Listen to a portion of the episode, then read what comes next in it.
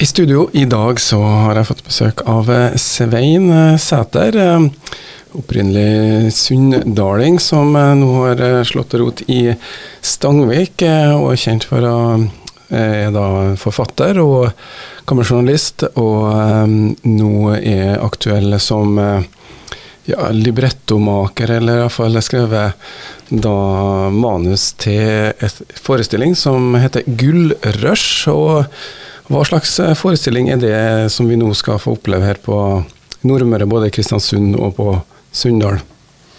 Det er jo en blanding av en konsert og et historisk drama, kan du si, som da er inspirert av nordmøringer som deltok i verdens største gullrush til Klondyke fra 1890-tallet, og da rett etterpå til Nome.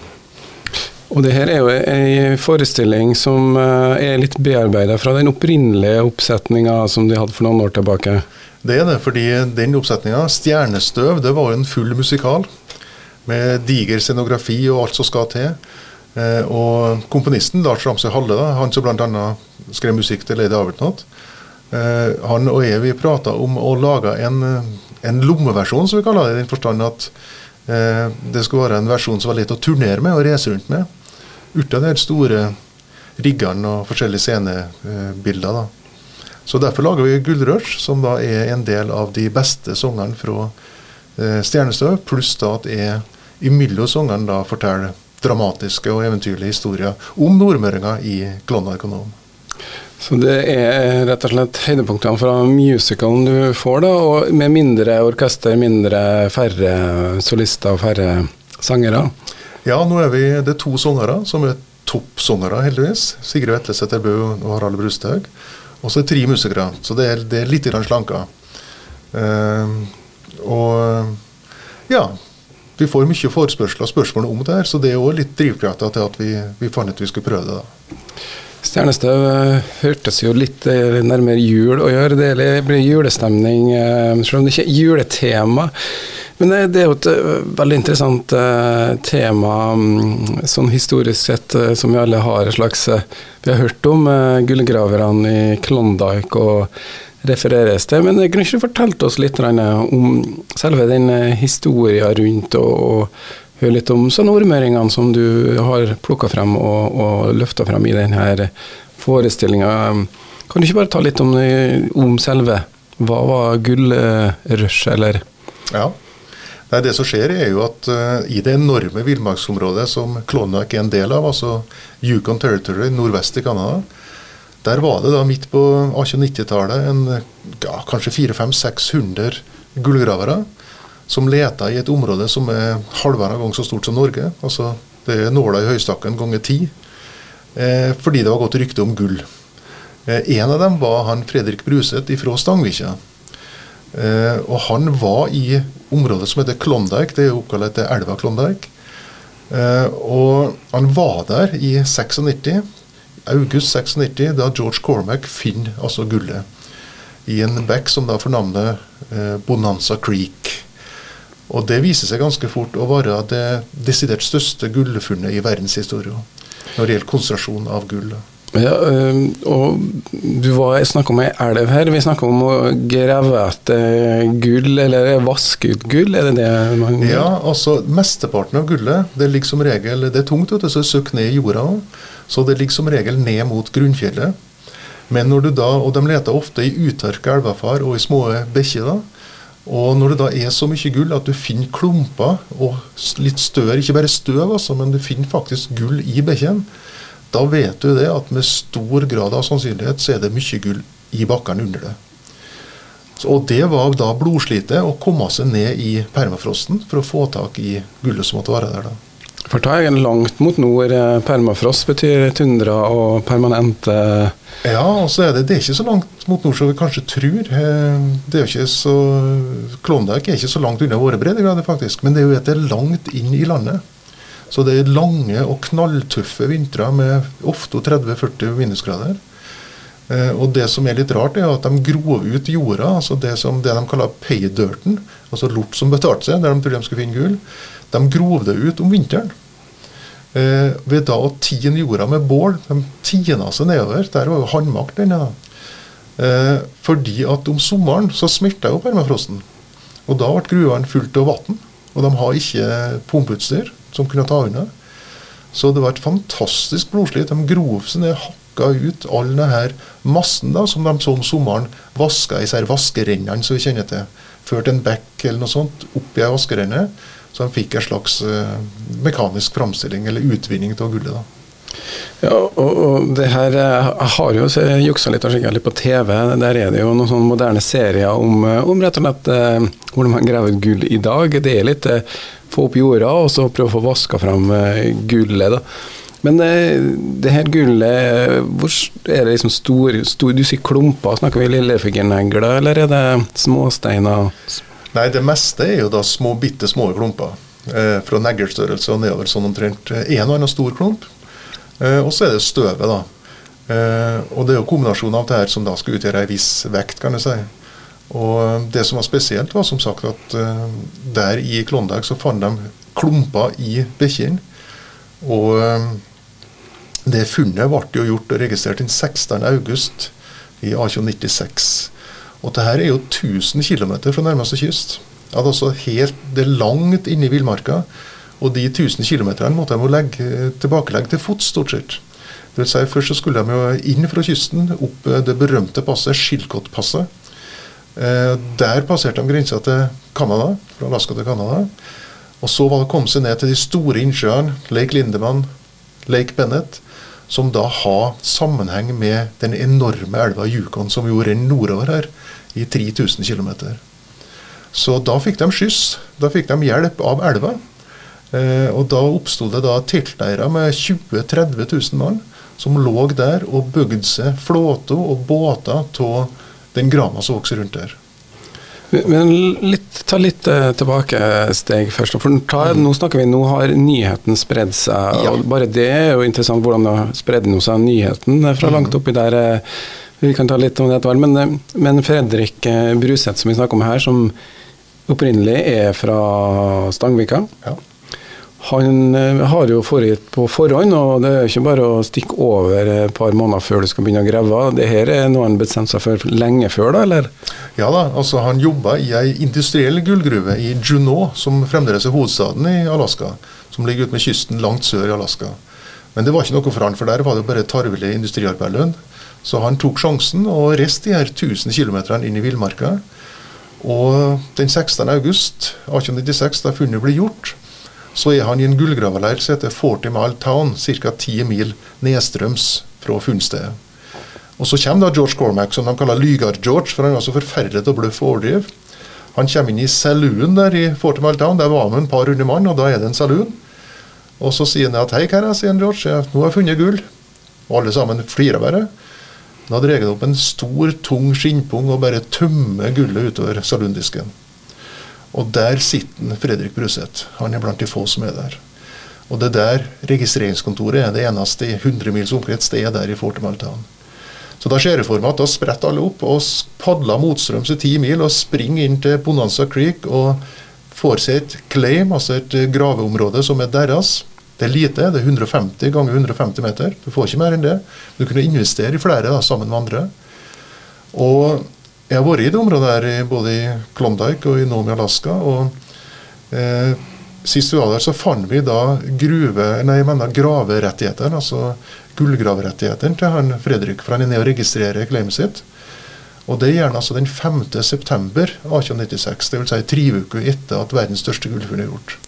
Så han var eh, rett og slett rigga for flaks, som man sier. Han ja. hadde uh, forberedt seg, kommet over, og når ja. det her skjer, så sitter han ringside i, i saloonen. Eh, jeg ser jo for meg en westernfilm med en gang. her. Det ja, må jo være den stemninga. Bare mannfolk og kanskje noen sparkepikker, eller hva nå er. Noen få. Ja, det vet vi at det var noen få. Han, jo, han skrev jo brev hjem, han Fredrik, fra før han fant gullet. Og, og, det stemmer, det. Det var noen sparkepiker og litt sånn. Han beskriver da hvordan de ordna opp i rettsoppgjør og sånn. De lager sitt eget rettsvesen. Og en som var utrolig god til å lese og skrive der, han var dommer, da. Og så setter de opp en galge midt i byen for å skremme folk da, for å begå kriminalitet. da. Så det, det, er liksom Ville Vesten, eh, ja, det, litt det, lovløse tilstander? Det er det, altså, rett og slett. Etter hvert så Gullrushet etterpå så kommer jo da det kanadiske ridende politi, det verdensberømte politiet, og, og, får en viss skikk på det her. da. Men helt i pionertida så er det nok, er nok ganske vilt. Og, og der er jo, som du er inne på, det er jo før det blir kjent i, rundt omkring i omverdenen. Og foreldra til en Fredrik de sitter jo i Stangvikja og er utrolig bekymra. Fordi Grunnen til at han og fire søsken reiser til USA, det er at foreldra har pådratt seg gjeld som de ikke greier å betjene sjøl om. Faren Kristen Bruseth er den største gården i Stangvikja. Han er kirkesanger og banksjef og ordfører og alt mulig. Men han greier ikke å håndtere et lån på 8000 kroner. Så det står i brevene som kommer fra ungene hans, at i dag har vi sendt fem dollars, i dag har vi sendt ti dollars osv. Og Dette er jo en periode hvor det er masse utvandring fra Norge, og Amerika var en drøm for, for mange? Ja, absolutt. Og en del blir jo De fleste rister jo uh, uten å tenke på gull. Men så kommer jo så her da, vet du. Og um, han Fredrik han var framtidsretta, for han, han fant jo litt gull før det store funnet òg. Og det var nok til at han da var klar til å handle inn det nødvendig av utstyr, og ikke minst å tilsette folk når en først skulle gjøre et funn. Ja, for du måtte, det var ikke liksom bare ta med seg hakke og en spade og så et sånn vaskebrett. Det, det måtte en del utstyr til for å ja. kunne investere, som du sier da? Det er jo som vi ser for oss, altså det er jo hakke og spade når du da prospekter, når du prøver å finne et claim, et område som du skal grave ut, så er det hakke og spade. Men når du da kommer deg ned i denne permafrosten, så er det klart er blodslit. og hvis du da skal få ut det som vi snakker om, om hundrevis av tonn med jord her, i frossa jord, så klart da må du ha arbeidsfolk. Men du må òg være ganske sikker på at det er gull der, da. Og Det spesielle med Fredrik er at han kommer jo da Han får skjerp nummer tre han i, i, fordi den Bonanza Creek, Bonanza-bekken altså, den deler seg like overfor funnstedet. Og det er ei arm som går til høyre der. Og det er der han Fredrik tar sitt claim. Og den bekken får da navnet Eldorado Creek. Og Det viser seg at gullfunnene der er dobbelt så stor som i Bonanza Creek, som fram til da var, var verdens største funn. Flaks? Ja, det er jo flaks. Det er lotteri på høyt nivå, rett og slett. Og, og det her er ukjent i omverdenen i et år. Det tar, tar seg tid. Det er brevs form her. Det er ikke noen ja. telegraflinje på plass opp dit? Nei, fins ikke. Og På den tida neppe noe post til det første året. og Det er et opphold i brevskrivinga til foreldre fra Fredrik i halvannet år, der de ikke hører noe fra han. De vet jo at vi er langt inne i ødemarka i De tror Alaska, men er jo i Canada. Og til slutt så kommer det et brev, da. Og Der står det et ganske tidlig brev at uh, sist høst gjorde vi et funn som nå viser seg at være det rikeste i Amerika. skriver han. Altså mellom linjene. Nå kan du bare glemme gjelda di, fatter'n. Og omtrent samtidig så kommer da eh, via en eh, kamerat tydeligvis i San Francisco kommer et beløp som nøyaktig tilsvarer resten av gjelda hans far. da. 8000 kroner? Ja. ja, da var det omtrent halvparten som sto igjen. Eh, og Vi kan jo gange med bortimot 100 i dag, så det, er snakk om en halv million omtrent som sto igjen. Og Vi har også svarbrevet fra far hans. Og det er utrolig rikt av følelser. Og ikke minst nordmøringa våre. da. Ja. Jeg som inntil nu har levet mitt liv som en gjeldsslave, er fra i dag av en gjeldfri mann. Og Det er sin sønn, da. Hvor gammel er han da? I, vi snakker 97, 1897 her nå? Det hadde det. Da er jo faren er over 80 på det tidspunktet. Og Fredrik er fremdeles i 20-åra. Og um, det som er artig, da, det er jo det at eh, som sagt, det går et år før det blir kjent. Og det er jo det at, og da, da starta gullrushet. Da Vi kjenner jo det her bildet fra f.eks. havna både i Seattle og i San Francisco, altså de nærmeste byene på den amerikanske vestkysten. Der, som det helt, der det er mange tusen folk som flokker seg rundt seg båtene med de første gullgraverne. Så kommer da med ryggsekkes og kofferter stappfullt av gull. Og, og gullrushet bryter ut. og Øyeblikkelig så sier jo halvparten av brannmenn i San Francisco sier opp jobben sin. Det blir gullgravere. Ordføreren i Seattle slutta på dagen. Halve politistyrken der, så gjør det, det rett og slett gullfeber. da. Har vi noe omfang? Hvor mye folk har på en måte bitt av eh, basillen? Nei, Det er jo regna på av diverse historikere. og eh, De regner med at ca. 100 000 setter kursen mot denne kystdelen av Alaska, da, der turen starta og at ca. 40 000 kommer fram til Klondyke og lager da Dawson City, det som blir gullbyen over alle gullbyer. Ja, da bor det jo 25 000 mennesker i Kristiansund, så kan du gange det med to nesten, da. Som drar opp til et relativt ja. lite område, eller? Ja, altså området er ganske stort, men det er men denne byen blir jo samla på et lite område. Og her var det jo ingen fra før. Det var en liten indianerlandsby. Og vi kan jo tenke oss de ja, sosiale forholdene som oppstår, uh, hygieniske forholdene osv. Det var nok et skikkelig tøft samfunn, ikke minst i starten. Uh, men ganske raskt så greier de å organisere seg på, på et vis som gjør at, uh, at en god del ja, fungerer. da.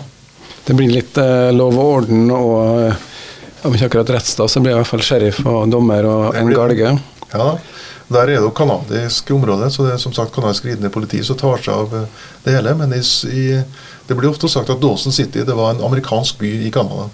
For det er klart det store flertallet her er amerikanere. Men han, Fredrik han skriver jo til bror sin på denne tida, som da er, er arbeider på en gard i staten Washington, altså der Seattle ligger. Han skriver til han og ber ham om å komme og hjelpe ham. Og Da skriver han at Halvor, broren, at uh, den som tager del i gullrushet, han er et år for sent ute. Altså Når den store mengden av folk kommer, så er de beste områdene opptatt for lengst. Som i aksjemarkedet i dag, når eh, drosjesjåføren snakker om eh, hvilke aksjer jeg skal kjøpe, så er det for seint. Da er den kommet. Men han altså er både dyktig og, og heldig, da. og mm og setter sette i gang. Eh, men hvor lenge holder han på med det her? Eh, eller kanskje litt mer om Klondyke. Ja. Mannfolk for det meste? Ja, det er det. Ganske fort så blir det jo en del kvinnfolk. altså Både da underholdningsartister, sangere, prostituerte. Det, det finnes rikt bildemateriale om sånne ting. Men òg da knalltøffe kvinnfolk som tar seg oppover for å delta i gullrushet.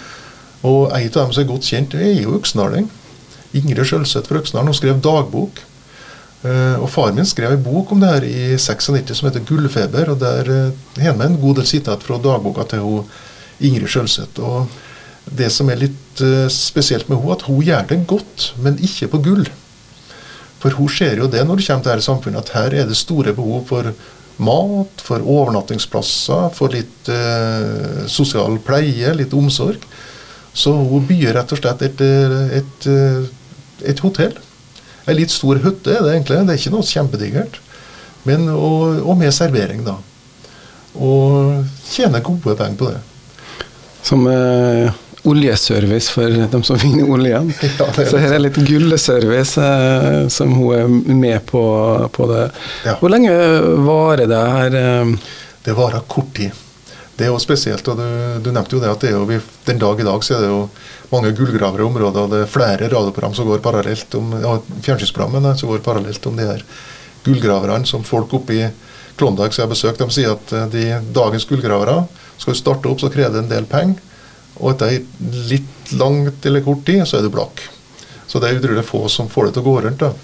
Men eh, den gangen så var det klart det var dem som var først ut og var litt heldige. De eh, ble såkalt Klondyke Kings altså mange millionærer, og Fredrik Bruseth er jo en av dem. Ja, og Hvor lenge holdt han på? Nei, Han holdt på da i første omgang i ca. to år. Fram til utpå senhøsten, så sensommeren 1898. Eh, uh, og da finner han ut at han skal ta turen tilbake til Norge. Og han tar med seg gull til, til, San Francisco. Vi har fremdeles originalkvitteringene. Da han den 19. juli 1898 så leverer han 120,6 kilo gull til oppkjøpere i San Francisco. Og det er rundt regna 55 millioner kroner. I datidens beløp? Ja, jeg, jeg, var, du må regne valuta og slikt. Ja. Men hvis en regner gullverdi, den er jo noenlunde konstant. altså Hvis du ser i forhold til hva du får kjøpt for det for 100 år siden i dag, så er den sånn omtrent konstant. Så i ren gullverdi så er det ca. 55 millioner. Og det er det han leverer på én dag. Eh, vi vet at han, eh, han leverte mer. Han var tilbake igjen. Han reiste til Stangvikja og var hjemme et års tid. Og så reiste han tilbake for å avslutte businessen sin i, i Dawson City, i Klondyke-området. Og Da ser han bl.a. ei gruve for 10 000 dollar. Og Da skriver han et brev at, eh, at han har funnet ut at søren han kunne fått 50 000 dollar for den gruva, men pytt pytt, liksom. det. Han hadde noen kroner fra før av? Ja. Han hadde. Ja. Du nevnte uh, fra, fra Øksendalen. Var det, mye, var det andre nordmøringer som Ja, det var faktisk en god del nordmøringer. Og det var folk fra naboområdene våre. En Vissdaling bl.a. som gjorde det godt, fra gamle Nesset kommune. da. Eh, det var øksendalinger. Det var en kar som heter Knut Gravem, som var fra Øvre Sunndal, da, som bodde her i Kristiansund, utdanna seg her og fått sin første jobb her, og som reiste over. Og eh, Han ble jo lege senere, da, men bruka da 40-50 år av livet sitt i ødemarka i, begynner i Nome og reiser videre derfra Nome, Alaska, og reiser videre derfra inn i villmarka og bor der i, i 40 års tid. Så det er mange helt eventyrlige historier om både vågemot og innsatsvilje og eh, utholdenhet, rett og slett. Vi må, og jeg ser jo ganske mange fellestrekk her. for Det de gjør i utgangspunktet, det er jo at de, de setter jo livet på spill for å prøve å skape en bedre framtid for seg sjøl og, for sine. Da. Så vi som har laget det her, vi ser jo ganske klare paralleller til dagens situasjon. ikke sant, Med, ja, med flyktninger som setter livet på spill i Middelhavet f.eks. I håp om et bedre liv. Og det var det samme som da i stor grad drev de her gullgraverne den gangen. Til det forjettede land eh, Det var jo ikke alle som lyktes, eller det er 100 000 eh, som dro av gårde. 40 000 kom fram. Eh, det var en del som ikke lyktes også. Ja, de fleste av dem som ikke kommer frem, de gir jo opp eh, og snur. fordi for For så er det første del av den turen inn i, mot Klondyke.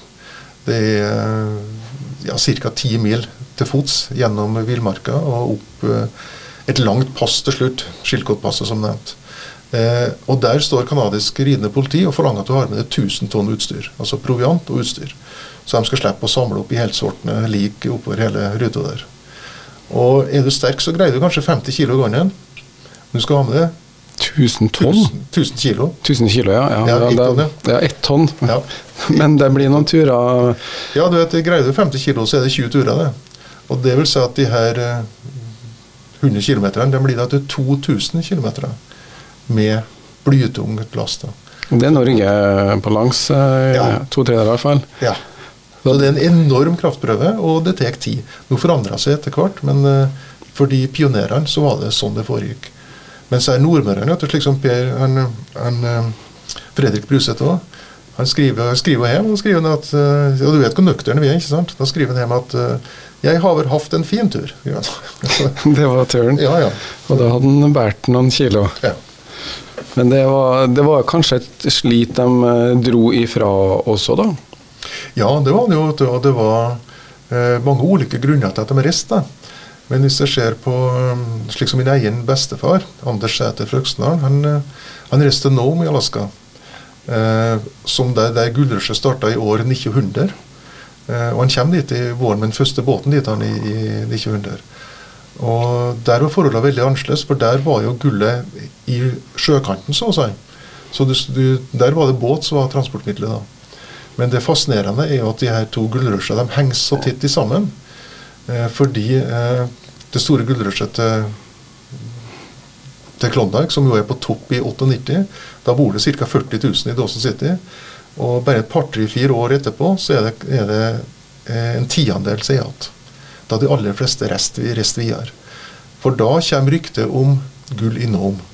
Og de fleste i Dawson City er desillusjonert og skuffa og legger i vei da på de fleste av dem da, på elva Yukon, et par tusen kilometer til kysten av Alaska, og båt over til Nome og prøve der.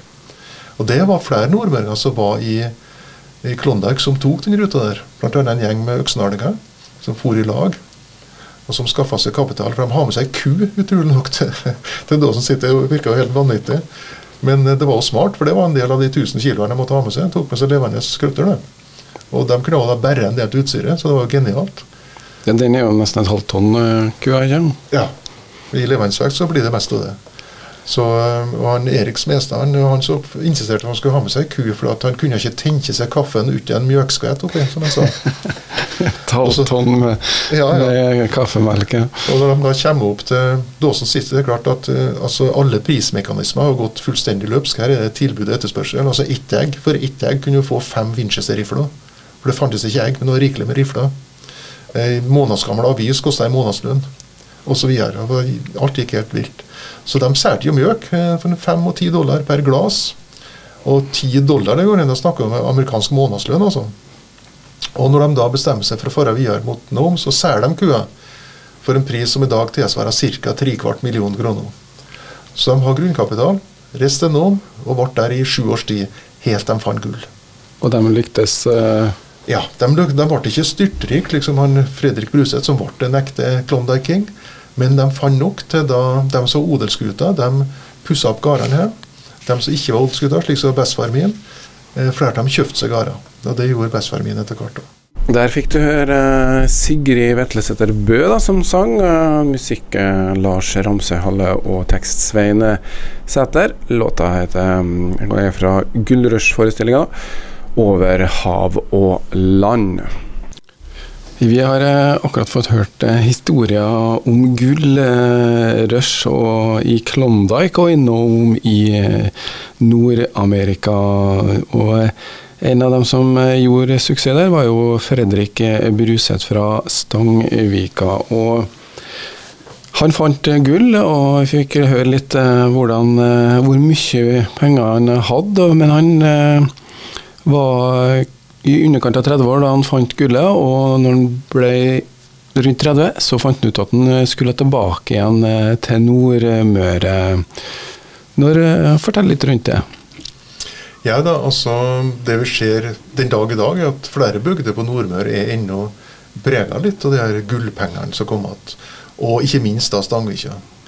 Eh, fordi han Fredrik han finner ganske fort ut at han skal sette opp en stor sveitservilla Sånn får det kjente arkitektkontoret Brødrene Berner til å tegne for seg. Eh, og det blir en sveitsvilla på 900 kvadratmeter som står i Stangvikja i full stand i dag i dag. Han reiser et, betaler da, for bygging av et stort forsamlingshus, Bondehuset, eh, for gullpengene sine. Han eh, kjøper nye kirkeorgel, både til Stangvik og Todalen kirke. Han eh, skyter inn penger i veibygging, i framføring av strøm etter hvert.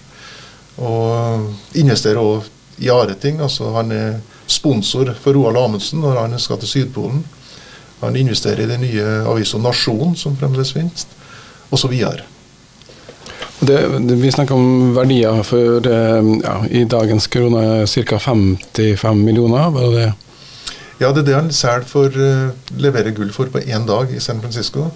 Og så ble det en del i tillegg, da. Og og han satt jo ikke på pengene. Han, eh, han eh, både investerte forretningsmessig. Han kjøpte jo f.eks. da den store Sluppen gård, den gangen i utkanten av byen Trondheim. Eh, og solgte den tilbake til byen da den utvida seg og trenger trang areal. Og solgte den for mange ganger det beløpet han kjøpte for. Så han investerte selvsagt i en del aksjer og investeringer. Ja, Sildebåt bl.a. Ja, og, og, han bodde jo Han levde jo lenge også. Han hadde en gammel far, så han hadde vel gode gener. Hvordan eh, prega han eh, hvordan for, Du snakka litt om hvordan han forvalta formuen. Eh, det var jo Han levde til andre verdenskrig, gjorde han ikke? Ja, han døde i 46, og andre verdenskrig ble et trist kapittel for Fredrik Puseth. For han havna jo på feil side, som det heter. Eh, vi ser i brevet han skrev som ungdom, at han var, han var på ingen måte noen rasist med stor respekt for urinnbyggerne som treffer i Nord-Amerika. Eh, og han var en religiøs grubler, skriver han mye om. Så det han ender opp med, det er jo da trua på en sterk mann. Og den sterke mannen blir jo da dessverre Vidkun Quisling, som er gjest hos Fredrik Buseth i den store villaen hans i Stangvikja, og holder tale i bondehuset osv. Så, videre. så han eh, blir medlem av Nasjonal Samling. Eh, og får etter krigen ei bot på 250 000 kroner som jo er, er mange millioner kroner i dag. da. Eh, og Samtidig så sier jo det, altså den bota sier jo litt om at det var det ble regna som et eh, ja, som et landssvik, rett og slett.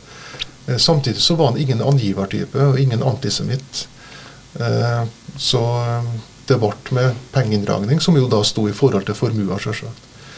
Så han døde som en bitter mann i, i 46, knapt 80 år gammel. da.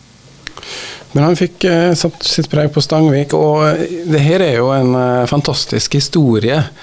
Og den har du tatt tak i i forbindelse med den her eh, musicalen i første hånd. Da. Hvordan har du latt deg inspirere, for jeg regner med at du ikke har gjort det helt bokstavelig?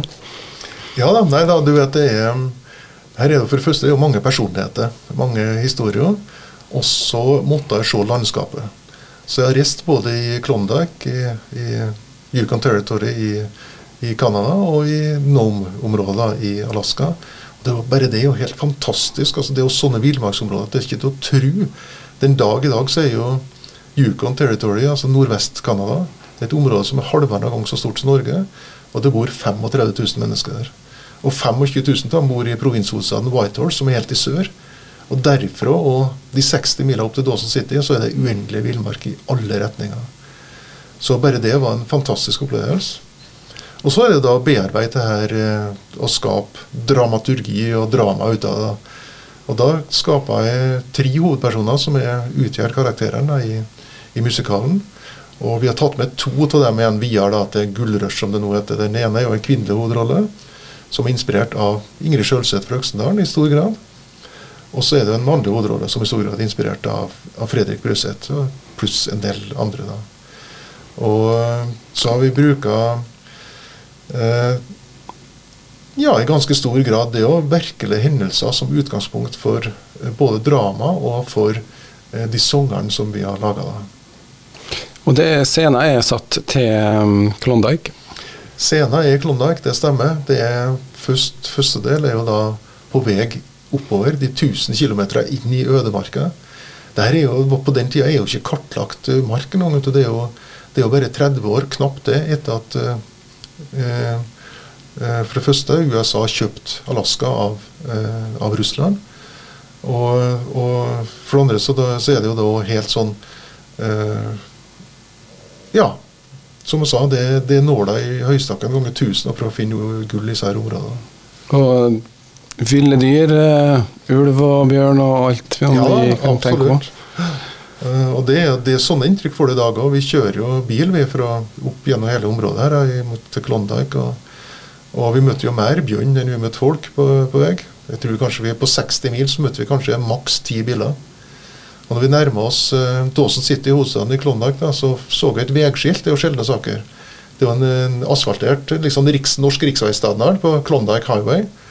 Når vi kom nærme oss uh, Dawson City, så sto det et veiskilt, og så var det en hølete grusvei som tok av til høyre. Og på det veiskiltet så sto det Intuvik 848 km. så det, det er store forhold. Avstand, ja. ja. Og det setter litt i perspektiv det de gjorde den gangen. da. Hvor, uh, det var ikke en asfaltert uh, vei. Nei. Du snakker, Dere må, må, jo lage litt dramaturgi. det er jo, Store drama er jo 'Finner man gullet', kan jeg forestille meg. Absolutt. Men uh, kjærligheten er det Du trenger ikke avsløre alt, men uh, Det er jo ikke laga en musikal i verdenshistorie uten kjærlighet, så det, det går ikke. I den Gullrush-forestillinga nå så er det meste knytt til sangeren. Vi har vel en åtte-ni sanger som skildrer sentrale deler av utviklinga i det her. da. Og så imellom sangene så forteller det historie og eventyr fra den tida, ting som da faktisk virkelig skjedde og vi viser også da samtidig historiske bilder som illustrerer dette. her. Eh, Fredrik Buseth f.eks. har jo med seg eh, bilder sjøl hjemme fra Klondyke. Så det er utrolig spennende. Eh, både historisk og dramatisk, da, denne historien.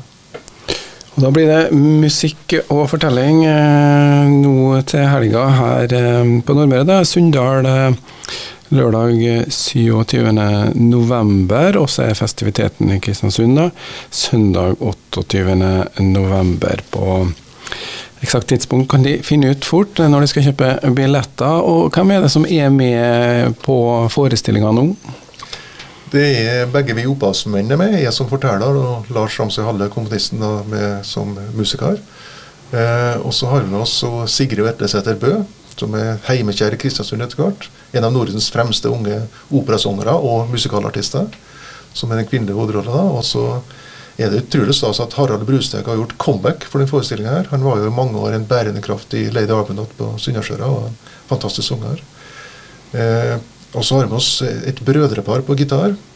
Øystein Sandbukt, framstående gitarist, eh, Spellemannspris-nominert. Og bror hans Ivar på Basta. Ivar Sandbukt. Så det er en flott gjeng. Og en eh, intim og litt eh, smak av musical, eh, kan vi si det sånn? Ja, absolutt. Da er det bare å finne ut eh, akkurat tidspunkt, så bestiller jeg billetter, og da får du oppleve det her i julestria, eller inn mot eh, det første helga i advent. Vi skal si tusen takk til Svein Sæther, som eh, var med oss nå. Så får de ha lykke til på forestillinga. Tusen takk.